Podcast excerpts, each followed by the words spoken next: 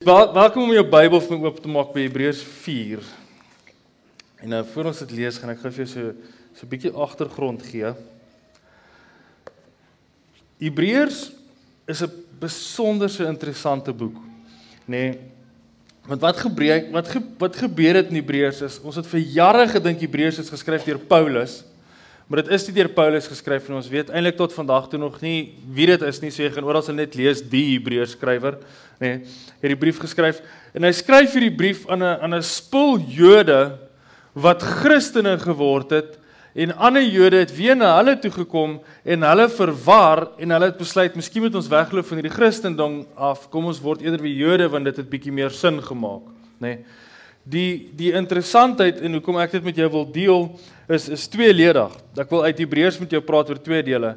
Die eerste deel is dat ons vind onsself baie maklik in daai posisie want of jy dit nou wil glo of nie ons hardnekkige Afrikaners uh en ek sê dit uitdruklik ons hardnekkige Afrikaners hou van struktuur en van wette so ons neig baie maklik terug wet toe nê nee? Israel visie is 'n groot bedreiging vir die kerk Dit sal ek vir jou reguit sê. Want ons ons hou van dit, nê? Nee? Ons hou nie van hierdie van hierdie net genade of net Jesus nie. Ons wil die wette hê. Hoe hoe moet ek bid? En die enigste en ek kan vir jou dit beamoen deur vir jou te sê stap deur 'n koem boeke en gaan soek 'n boekie oor gebed. Dan gaan jy sien ons 44 boeke oor hoe ons moet bid. En ek wonder altyd hoe die Nuwe Testamentiese kerk gebid en koem het nie bestaan nie. Nee. Maar ons stap in hierdie gemeentes toe en ons soek al hierdie boekies en hoe moet ek bid? Want ons ons neig terug na die iemand moet my help, iemand moet vir my gee, ek moet weet wat is die wet. En dan wat ons wat ons dan doen is ons vat ons kerk, ons vat ons Christelike stelsel en dan dan dan pak ons dit vir ons uit in in logis of in in logiese tree wat ons moet gee. Okay, so die eerste ding wat ek moet doen is ek moet kerk toe kom. Okay, dan is die tweede ding wat ek moet doen is as ek in die kerk is, moet ek my hand opsteek.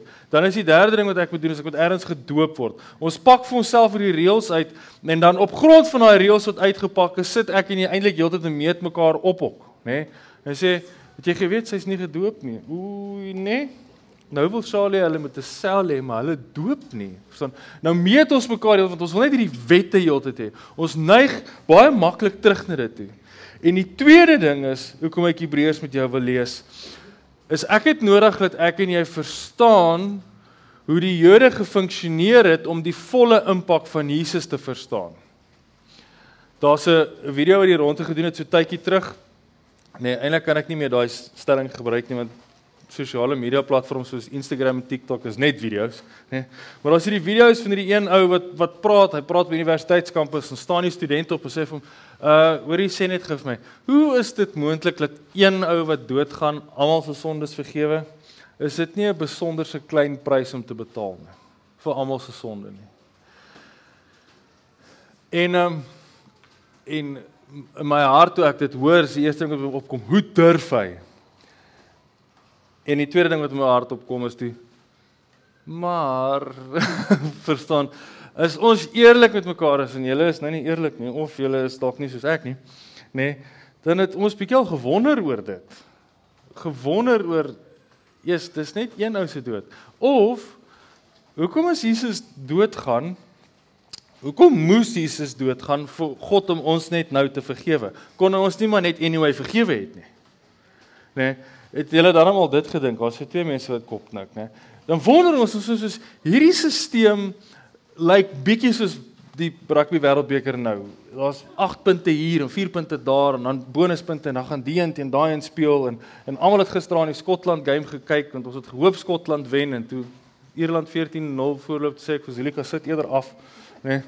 Want ons het nou ons het gehoop en en daar's al hierdie bonuspunte en ons is so verwarrend of dit so dit bring soveel verwarring en die gevaar is net soveel verwarring soos wat daai bring 10 keer meer bring verwarring as jy die Ou Testament en die Wet lees. Ons sit by die mannegroep Vrydagoggend en ek praat met hulle en ek sê ek het al so 'n paar keer in my lewe besluit ek ek gaan nou die Bybel deurlees, né? Nee? Het julle dit al gedoen? Besluit jy gaan in 'n jaar die Bybel deurlees? Sê interessant genoeg 4 hoofstukke 'n dag lees jy die Bybel deur. En dis soos die sêding gaan die die beste intensies wat die pad hel toe is geplavei met die beste intensies. Want hoeveel van ons begin dit en dan sterf daai daai metodiek van ons se stille dood as jy kom by Numeri en Levitikus, nê? Nee, en as is soos o hemel, nê? Nee. Hoeveel mense het ek al mee gepraat en sê hulle ons hou van die Bybel, maar ons hou van die Nuwe Testament. Die Ou Testament is net moord en doodslag en is wette en jy mag nie dien nie, jy mag nie daai nie, nê? Nee. En oordat ons nie dit lees nie, verstaan ons nie die impak van Jesus nie. Dan verkleineer ons Jesus en hy is vir ons 'n klein offer van 'n klein God om ons klein bietjie te help. Né? Nee. En dis waar ek vir jou hierdie gedeelte wil lees. Ons gaan vir die res van die maand van Oktober gaan ons gedeeltes uit Hebreërs vat. So ek wil jou nou ek wil jou begin deur vir jou te sê jy moet verstaan vir die volgende 3 weke gaan die preke waarskynlik so bietjie oor vleuel So as jy volgende week inkom en en ek het klaar gebid en ek begin en ek sê right punt nommer 5, dan moet jy onthou daar was 4 voor. Dit was 'n grappie. Julle voel nog te veel skuldig oor die foster care om te lag kom ek agter. so Nee, maar die punte gaan met mekaar oorvleuel want die want die mooi van alles is is Jesus is ons hoëpriester wat ek volgende met jou oor wil praat, maar die hoëpriester se funksie was om die offer te bring, maar Jesus was ons offer ook. Nê? Nee? Dan om dit nog meer kompleks vir ons te maak, het hierdie hoëpriester 'n offer gebring in 'n tabernakel en as jy Hebreërs lees, dan is Jesus die hoëpriester die offer en die tabernakel. Nê? Nee? En dan begin die Skotland, Ierland en Wêreldbeker rugby tellings vir ons baie makliker sin maak want hierdie is verwarrend, nê? Nee? Hoe dit werk. As jy jou Bybel het, kan jy saam lees Hebreërs 4 vanaf vers 14. Dis 'n kort gedeelte en dan gaan ek vir die res met jou deurtrap. Ons het dan nou 'n groot nee, ekskuus, ek van myself in die rede. Nuwe Lewende Vertaling het Hoëpriester vertaal as Hoofpriester wat dit natuurlik was. Ons het dan nou 'n groot Hoofpriester wat deur die hemele beweeg het, Jesus, die seun van God. Laat ons voortdurend aan ons geloofbelijdenis aangaande hierdie Jesus vashou. Hierdie hoofpriester van ons kan ten volle met ons swakhede saamvoel want hy is in elke opsig op dieselfde manier as ons versoek. Maar hy het nie voor die sonde geswyg nie. Kom ons gaan dan met die volle vrymoedigheid na die troon van ons genadige God. Hy sal ons hy sal aan ons sy ontferming en genade bewys sodat ons op die regte tyd gehelp sal word. Nee. En dit daai omtrent Hebreërs is so drie dele waarin jy dit kan indeel. In die eerste of die twee eerste deel is die groot gedeelte wat 'n mooi Joodse gebruik is en dan die tweede gedeelte is hierdie hele gedeelte oor die hoëpriester, né? Jy kan Hebreërs 9 lees, 7 lees, 4 lees, 5 lees. Baie keer kom hy terug na die punt toe. Maar die twee temas van die offer en die hoëpriester oorvleuel heeltyd mekaar. En ons lees hierdie Laat ons voortdurend aan ons geloofbelijdenis aangaande hierdie Jesus vashou. Onthou dis 'n kerk wat wou wegloop van Jesus af hierdie hoofpriester van ons kan ten volle met ons in ons swakhede saamvoel want hy's in elke opsig op dieselfde manier as ons versoek. En vir ons om daai te verstaan, moet ek gou vir julle Levitikus baie vinnig, baie eenvoudig vir jou probeer verduidelik, nê? Nee? As jy sou wou gaan lees dit Levitikus 19 en Levitikus 20 of uh, 21 en 22 eerder, beskryf die wette van die priesters. Nou die priesters was 'n sekere geslag gewees wat moes gekom het uit die geslag van Levi uit, né? Nou Israel het 12 seuns gehad. Die een stam Levi is van waar natuurlik Aaron hulle gekom het. Hulle mag priesters gewees het. Maar dan moes God deur middel van hierdie vreemde steentjie wat hulle gehad het, ehm um, jy moet gaan self lees wat se ding is, hulle het verskillende name, verskillende Joodse name, het God gedetermineer wie gaan die hoëpriester of die hoofpriester wees en hierdie ou het 'n spesifieke funksie gehad. Sy funksie was een keer 'n jaar kon hy gaan Yom Kippur vier het, nê? Nee? Dag van verzoening wat nie 16 Desember by ons is nie, maar min of meer dieselfde tyd is, nê? Nee? Kon hy gaan, dan gaan hy nie net in die heiligste gedeelte van die tabernakel in hier, die buitegedeelte van die tabernakel waar mans wag, heel buite moes vrouens gewees het want hulle is bietjie meer onrein as mans, nê? Nee? nee, hulle skinder meer, so hulle mag nie nader kom nie. Ek sien ek het klaar my graf gegrou, so ek grim nou diep. nê? Nee?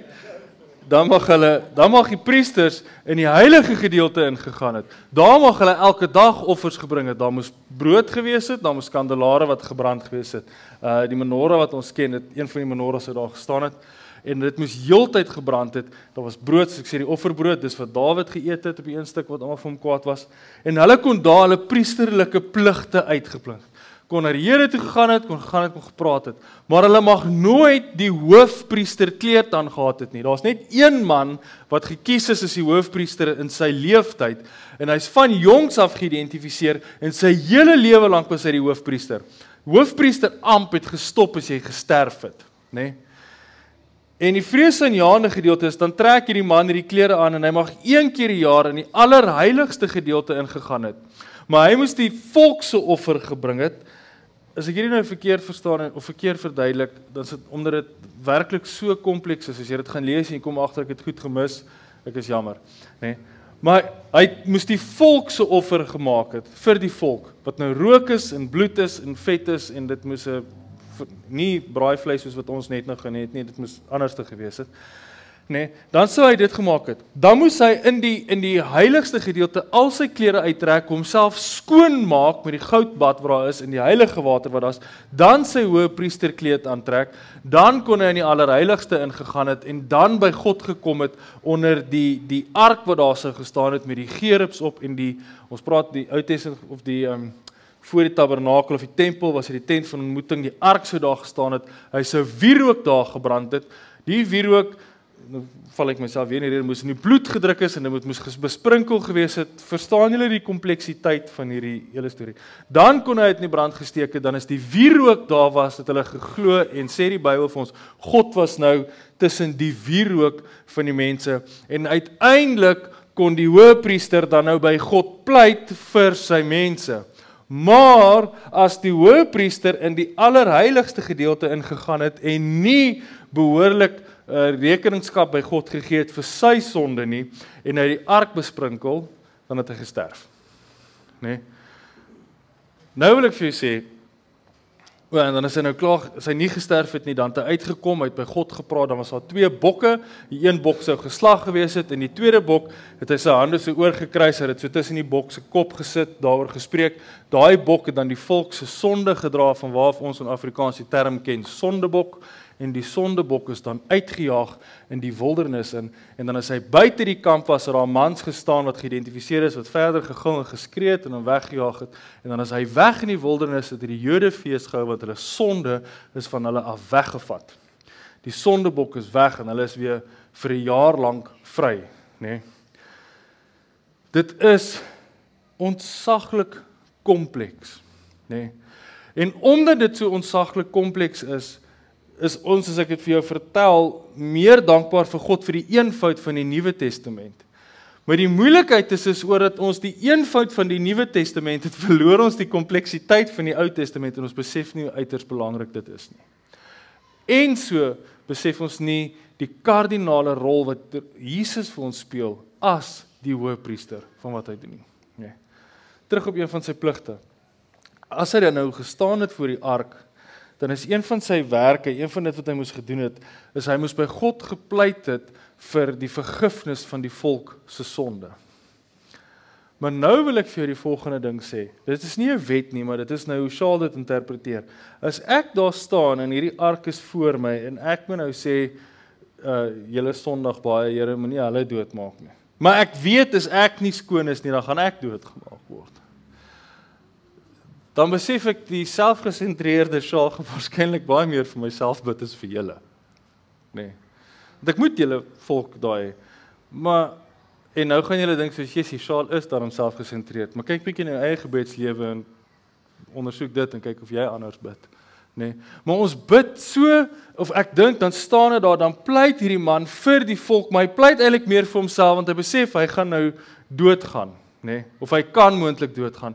Daar's gerugte van uh die hoëpriester kleed. Ons sien dit nie in die woord nie, maar dit is 'n na die tyd het die Jode dit so gedoen dat daar klokkies aan die onderkant van sy kleed was en 'n tou om sy middel. Lees jy in die soos ek sê na Bybelse geskrifte. Dan is die klokkie stil is dat hulle geweet hy dood neergeslaan. Dan het hulle die tou gevat en die man uitgeanker uh, amper sê uitgeanker. Goodness. Nee. uit uitgetrek uit die uit die heiligdom uit. Dan as ons daai in ons agterkop het en ons lees hierdie ons hierdie hoofpriester van ons kan ten volle met ons in ons swakhede saamvoel, beteken dit vir ons nie eintlik iets nie want ons besef dat Aaron moes ook gevoel het soos die volk gevoel het, nê? Aaron moes ook moeg gewees het, moes ook afgemat gewees het, moes ook gedink het hier's hoeveel wette en nou moet hy die lies van die bok staan en swaai vir hoe lank? Ek kan nie onthou hoeveel keer moet hulle staan en swaai nie wat 'n dansoffer was vir die Here. En dan kom ons by hierdie gedeelte by die volgende sin want hy's in uh, kan met ons in ons swakhede saamvoel wat net sou gewees het soos wat Aaron gevoel het. Maar dan staan ons maar hy het nie voor die sonde geswyg nie. En daai is my so mooi gedeelte want toe ek dit besef, toe besef ek toe Jesus namens ons by God gepleit het, hoef hy nooit oor sy eie sonde gepleit het nie nê. Nee. Jesus se pleitgebed aan God die heeltyd in sy hoofpriesterampt was vir my en jou sonde want Jesus het nooit sonde gehad nie, nê. Nee. En sonde in die in die hoofpriesterampt is anders as die sonde wat ek en jy het. Ek en jy dink ehm um, ons is nie 100% eerlik met SARS nie en dis 'n bietjie oneerlik. Wat dit is natuurlik nê, wat wat sonde is. Maar die hoofpriester se se amp was as sy neus bietjie skeef gegroei het of sy neus reg was, dan mag hy nie hoofpriester gewees het nie. As hy een of ander gebrek in sy gesig gehad het, mag hy nie hoofpriester meer gewees het nie. As hy in die liggaam van 'n dooie gevat het, mag hy nie hoofpriester gewees het nie. Hy mag net met 'n vrou getrou het wat 'n maagd was, nê. Ehm um, wat mooi Afrikaans is, ek weet nie te vertaal nie, nê. Nee, dan mag hy 'n hoofpriester gewees het. Daar was al hierdie verskriklike ander wette en in elkeen van daai fasette, elkeen van daai wette het Jesus nooit geswoeg voor nie om op 'n punt te kom dat wanneer hy voor God staan en pleit vir ons, dan pleit hy werklik vir ons, nê, nee, en ons sonde. En een van die mooiste gedeelte vir my is toe ek besef hoe ons hoe ons by God pleit, wanneer ons by God pleit, dan is dit vir ons so eenvoudig want ons besef ons gaan nie eintlik doodgaan nie want Jesus is dood. En in ons selfgesentreerdheid maak ons Jesus klein en God klein en ons sonde klein. Nê. Nee. En my doel vir die volgende 3 weke soos ons deur um Hebreërs lees is om jou te oortuig Ek dink al was lank terug sulke preke in kerke gewees. Moet ek eerlik wees. Maar my doel vir die volgende 3 weke is om jou te oortuig jy is eintlik 'n baie slegter mens as wat jy dink jy is. Nee. so ek kan net dink hoe opgewonde is jy om kerk toe te kom? Nee. My doel vir die volgende 3 weke is om jou te oortuig jy is eintlik 'n baie slegter mens as wat jy ooit dink jy is. Jy's baie meer selfgesentreerd, jy's baie meer selfsugtig, jy's baie meer hoogmoed as wat jy dink jy het. Jy's heeltemal te veel ongenadig, nê. Nee, jy het al hierdie sondes wat jy koester, uh en dit is waarvan ek jou wil oortuig vir oggend en 2 weke daarna. Maar die mooiheid van die hoëpriester wat by ons staan en vir ons pleit is ek kan vir jou sê maak nie saak of hoe slegter jy is as wat jy dink jy is, is jy meer geliefd en aanvaard as wat jy ooit dink jy is. Want die gevaar vir my en jou is is ons het hierdie storie of ons het predikante of jy het uh, Charles de Toey of Dr Willem Maree of uh, Dominee Mani Stein wat in Pretoria was, weet nie of julle ooit hulle preke gehoor het nie. Maar ehm um, teologies briljant, maar goeie genade, hulle het die hel uit jou uitgeskree. Nee. En hulle het hierdie preke gehad van om jou te oortuig van hoe sleg jy is. En die moeilikheid is is nou staan ek en jy op met hierdie verskriklike ding van van van skuldgevoel. Ons het hierdie ons het hierdie skuldgevoel wat wat baie keer jou getuie is wat jou jou ehm um, wat is conscious in Afrikaans nou? Gewete, nê? Nee? amper sê ek gewere. Jou my tong wil nie meer saamwerk vanoggend nie. nee. Jou gewete wat jou wat jou dryf en is baie keer goed God praat deur die gewete is ons Romeine lees. Maar jy het jou gewete en jou gewete is jou skuldgevoel wat jou leer hoe om God beter te behaag. Maar baie keer is die gevaar dat die skuldgevoel is juis dit wat ons weerhou van God af. Ons sit by die by die manne um manneoggend Vrydagoggend en ek besluit ek gaan met hulle praat oor stilte tyd. En uh ek ek het nie 'n preek nie, ek het niks. Ek vra net hoe lyk julle stilte tyd? En Paul kom toe uiteindelik op 'n punt dat hy sê soos hoorie, ons punt is nie om jou te laat skuldig voel oor dit nie doen nie. Nee, want ons almal, as ek jou nou vra, hoe lyk jou stilte tyd? Nee, ek doen dit nie genoeg nie. Hoe bid jy? Nie genoeg nie. Verstaan? Hoe lees jy die Bybel? Nie genoeg nie. Gee jy geld vir die kerk? Nie genoeg nie. Verstaan? Onthou nou ek het nie opgebou tot op 'n punt nie, ek het net voorbeelde genoem. Nee. Maar ons het hierdie skuldgevoel wat ons saam met ons dra, nê? Nee? Want ons dink nie noodwendig dat ons daar's met ons sonde afgereken nie. Dis die een kant van die ander kant. Nou is die flip side van die muntstuk is dat ons so oorweldig na genade toe, so oorhaal na klein God, klein offer toe, dat ons geen skuld gevoel het nie en niemand kan vir my iets sê nie want ek het my eie waarheid, nê. Nee. So en dit is dit is letterlik my my paal se generasie. Ek is hier ergens in die middel en die generasie wat na my gekom het sit in oorhaal na genade toe. Niks is ooit verkeerd nie, nê. Nee en en dis 'n gevaarlike punt. Dis 'n gevaarlike ding wat op waarop ons afstuur. Toe ek so toe ek dink aan skuldgevoel, toe dink ek aan Macbeth. Wie van julle het ooit Macbeth gelees? Nê. Nee. Onthou, hier's 'n paar knoppe wat redelik hartseer skud. En Macbeth en kom sy vrou nou om te sê vir hom, "O, maar word koning." Dan sê hy soos, "Ja, hy gaan koning word." Dan sê sy, "Nee, maar dit is eenvoudig. Ons maak die huidige koning net gou dood." Dan sê hy, "Nee, ek kan nie die koning doodmaak nie." Nee, dis nou Charles se Afrikaanse weergawe so by vas, nee. Nee, ek kan nie die koning doodmaak nie. En dan sê sy vir hom in hierdie woorde, onthou ek van matriek toe tot vandag toe, ego dit so in my gees want ek dink dit is so ons dink a little water will clear us of this deed. Nee. En dan gaan maak sy mos nou eintlik die koning dood en dan maak hulle hom dood en ek dink dis dis waar ek en jy dan sit want ons dink soos wie gaan weet. Ek kan eintlik hierdie doen want dit is nou nie eintlik verkeerd nie. Ek ek kan eintlik 'n kind in pleegsorg inneem, maar ek gaan nie wat ek wil nie eintlik nie. Wie gaan weet? Verstaan? En dis dis hoe ons onsself oortuig. En dan die mooi ding is van wat Macbeth gedoen het of wat wat uh Shakespeare gedoen het, is hy kom op hierdie punt wat Lady Macbeth onthou hulle die nagmerries wat sy gekry het na dit. Want sy heeltyd vir hom sê man, water gaan ons skoonmaak, water gaan ons skoonmaak. Dan uiteindelik kom ek Beth op die punt wat hy in die aand in die kasteel stap en sy vrou stap met 'n skopborsel en sy was haar hande en sy skree out damned stain out want sy kry net die bloed van haar hande af nie. En ek en jy se hele lewe is ons besig om tussen hierdie twee polariteite te trek, nê? Nee. Ons is of besig om te sê wie gaan weet sonde is niks vir my nie, God het my vergewe, of besig om te weet ek kan nie na God toe gaan nie want hierdie sonde vreet my op. Nê? Nee.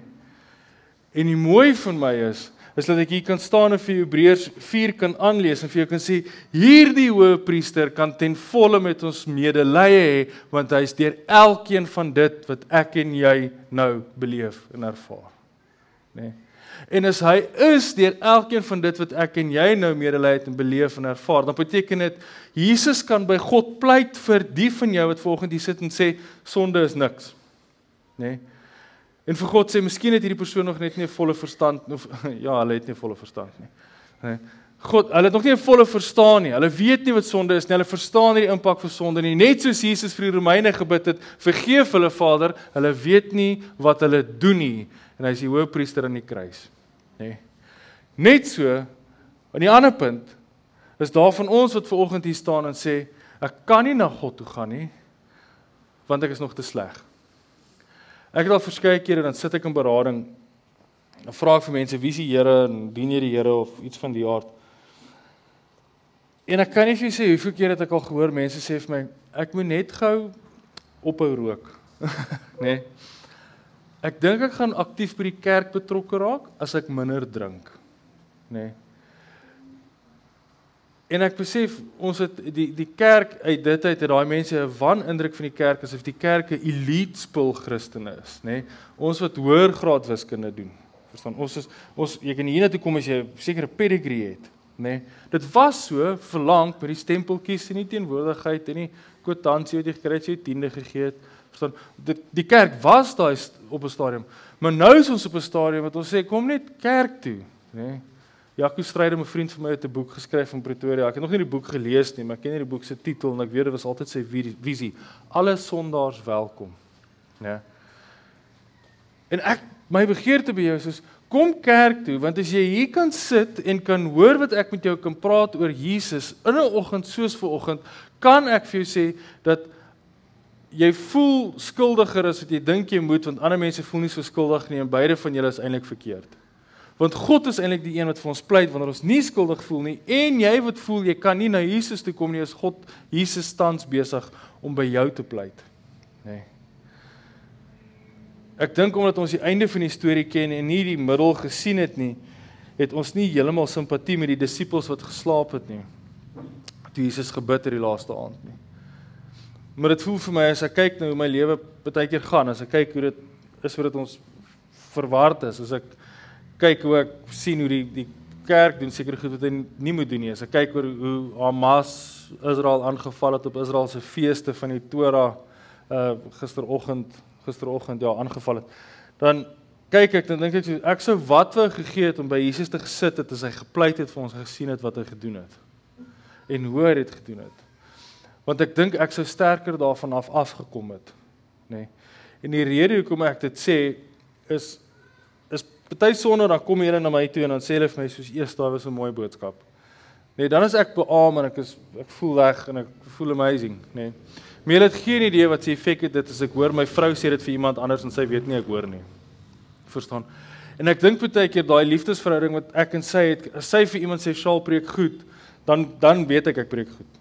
As jy dit vir my sê dan sê dan, dan is dit my hemp. Verstaan jy my hemp gesien vandag? Ja. ja, ja.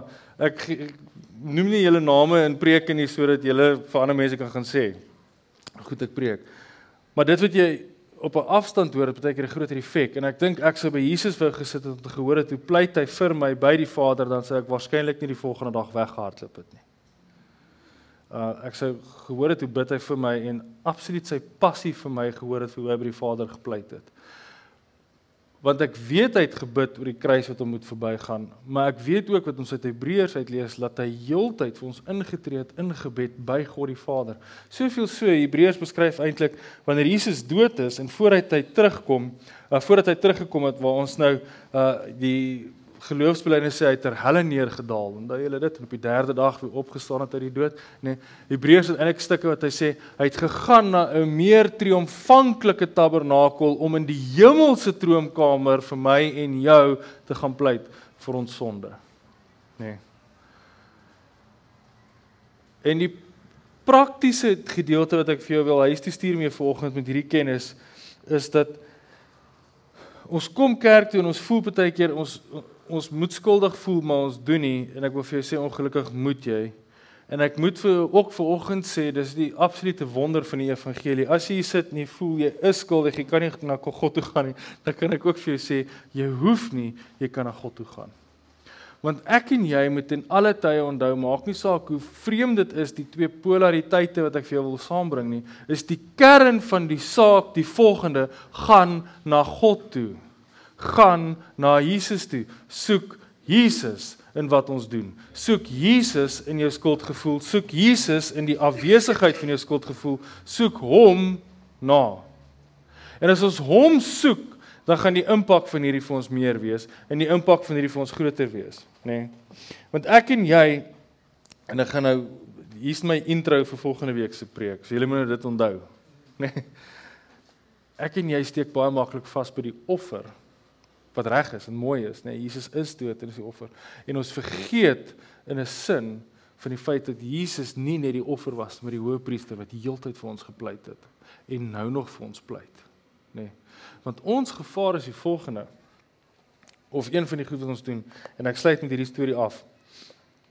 Ek het vir baie lank en eintlik om eerlik te wees met jou tot redelik onlangs toe gedink, as Jesus vir my pleit, nê, nee, dan lyk dit soos wat ek nou ek wil dit nie vir jou reenact nie want ek wil nie hê dit moet lasterlik voorkom nie maar dit kan maklik wees. Dan het ek altyd gedink Charlotte het iets verkeerd gedoen ek was kwaad en ek het vuil taal gebruik dan gaan Jesus eers ek hoop julle dink so en asseblief nou nie dink is lasterlik maar dan gaan Jesus soos 'n bang hondjie na God toe en sê ai dis Charl jy het hy hy sukkel en volgende was die kinders laat en toe ry die ouene voor hom en ag kan ons nou nie maar weer verkeerd weer vergewe nie. Het jy al so gevoel, het jy al gedink dis hoe en verlang het ek gedink dis hoe Jesus pleit want baie keer word Jesus in die kerk uitgebeeld as bietjie van 'n swakkeling onder mans. Hy's nie 'n manly man nie, hy's hierdie sagte ou. En ek het so gepleit, ek het so gedink, totdat ek agtergekom het eendag en mooi gelees het, mooi kyk het, besef ek, dis glad nie wat Jesus doen nie.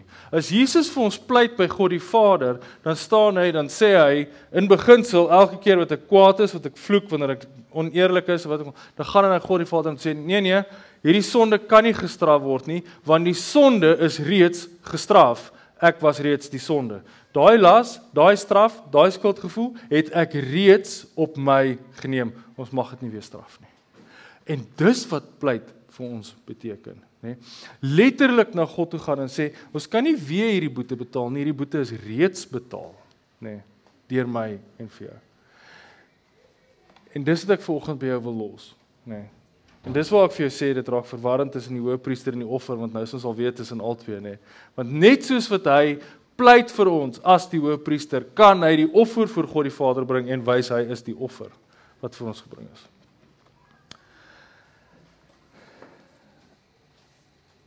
Ek het nodig dat ek het nodig om die preek eintlik nou af te sluit en ek wil baie graag aanhou praat want ek is baie opgewonde oor die goed.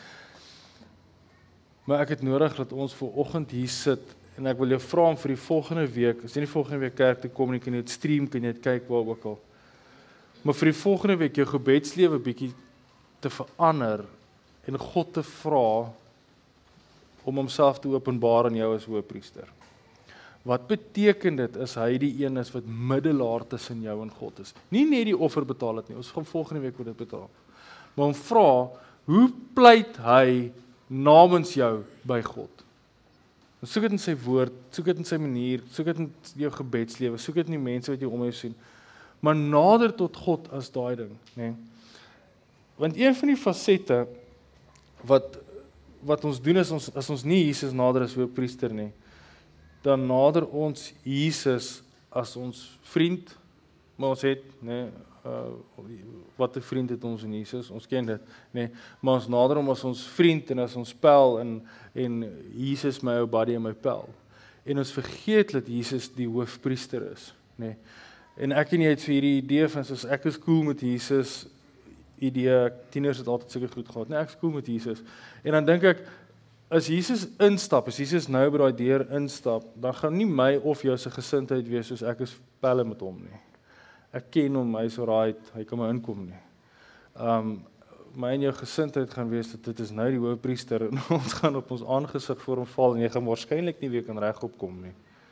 Ons gaan hom aanbid en aanbid en aanbid en aanbid en aanbid en aanbid en aanbid en aanbid, nê. Nee. Ek wou begin het met die amp van hoëpriester want ek wil hê ons moet verstaan wat dit is dat Jesus was mens, hy kan vereenselwig met ons, maar Jesus is soveel meer as dit. Hy's soveel meer as 'n as 'n net 'n eenvoudige profeet, soveel meer as net 'n eenvoudige koning. Hy's ons hoofpriester en ons moet hom baie keer by die nie baie keer nie, altyd hanteer met die nodige respek wat sy titel doen. Nee. Amen koning van die konings. Nee, Here van die Here.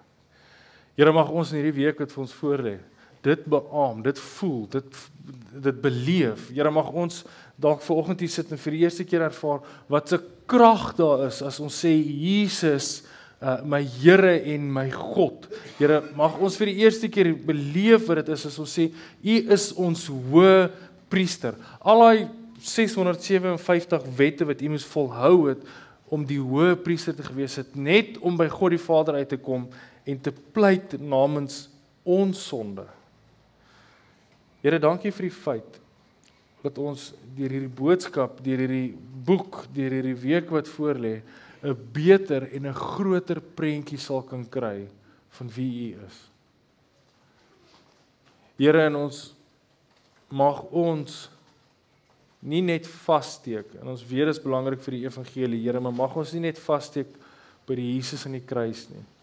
Here maar mag ons beweeg en besef dat Jesus is die opgestane God. Here U het uit die dood uit opgestaan. U is die koning van die konings En Here mag ons dalk vir die eerste keer in 'n lang tyd wanneer ons bid tot U op ons aangesig voor U neerval en U aanbid as God in Jesus naam. Here, ek wil bid vir elke gesin wat ver oggend hier sit. Ons weer die skool begin. Uh Here, so dit is amper 'n tyd van gaas wat vir ons heers. Here, mag U ons vooruitgaan. En Here, mag ons hierdie koester, mag dit ons fondasie vir ons lewe wees. Jesus, my intercessor. Jesus wat pleit by my. En Heilige Gees, mag U hierdie woord in ons hart vasmaak en vasvat. In Jesus naam alleen bid ons dit. Amen. Amen. As jy wonder ehm um, wat ryk so, dit is as jy nie Jesus as koning ag nie, dan gaan die res van jou lewe so ryk. nee, ek sê ons is seker die enigste nasie wat opgewonde raak oor vuur, nê? Nee, en dit maak ons dalk nie altyd bang vir die hel nie. Uh asseblief kuier saam met ons, braai saam met ons. Dit is vir ons belangrik. Uh Melissa gaan nog bly as met haar gesels gaan kyk agter na die funksies wat daar is in die gemeente en hoe jy kan betrokke raak. Asseblief, ons het nodig dat ons nie net bywoning het nie, maar deelname, mense wat aktief deel is van die kerk. Jy doen nie dit uh om hierdie kerk te groei en ons 'n goeie image te laat kry en ons 'n mooi footprint in Mosselbaai te kry nie. Jy doen dit glad nie. Elke faset van dit wat jy by hierdie kerk doen is sodat meer mense na die Here toe kan kom en dis ons begin en einde. Siele moet gered word uh nê nee, en dan moet gebid word want ek glo die enigste manier wat as mense na die Here toe kom en ons bid is dit al hoe ons hierdie land met herlewing gaan aanraak. In Jesus naam. Jy is welkom om te staan. Ons spreek ek die seën van die Here oor ons uit. Mag die goedheid van God die Vader, die genade van die Here Jesus Christus en die teenwoordigheid van sy inwonende Heilige Gees jou en my deel wees in hierdie week wat voorlê. In Jesus naam. Amen.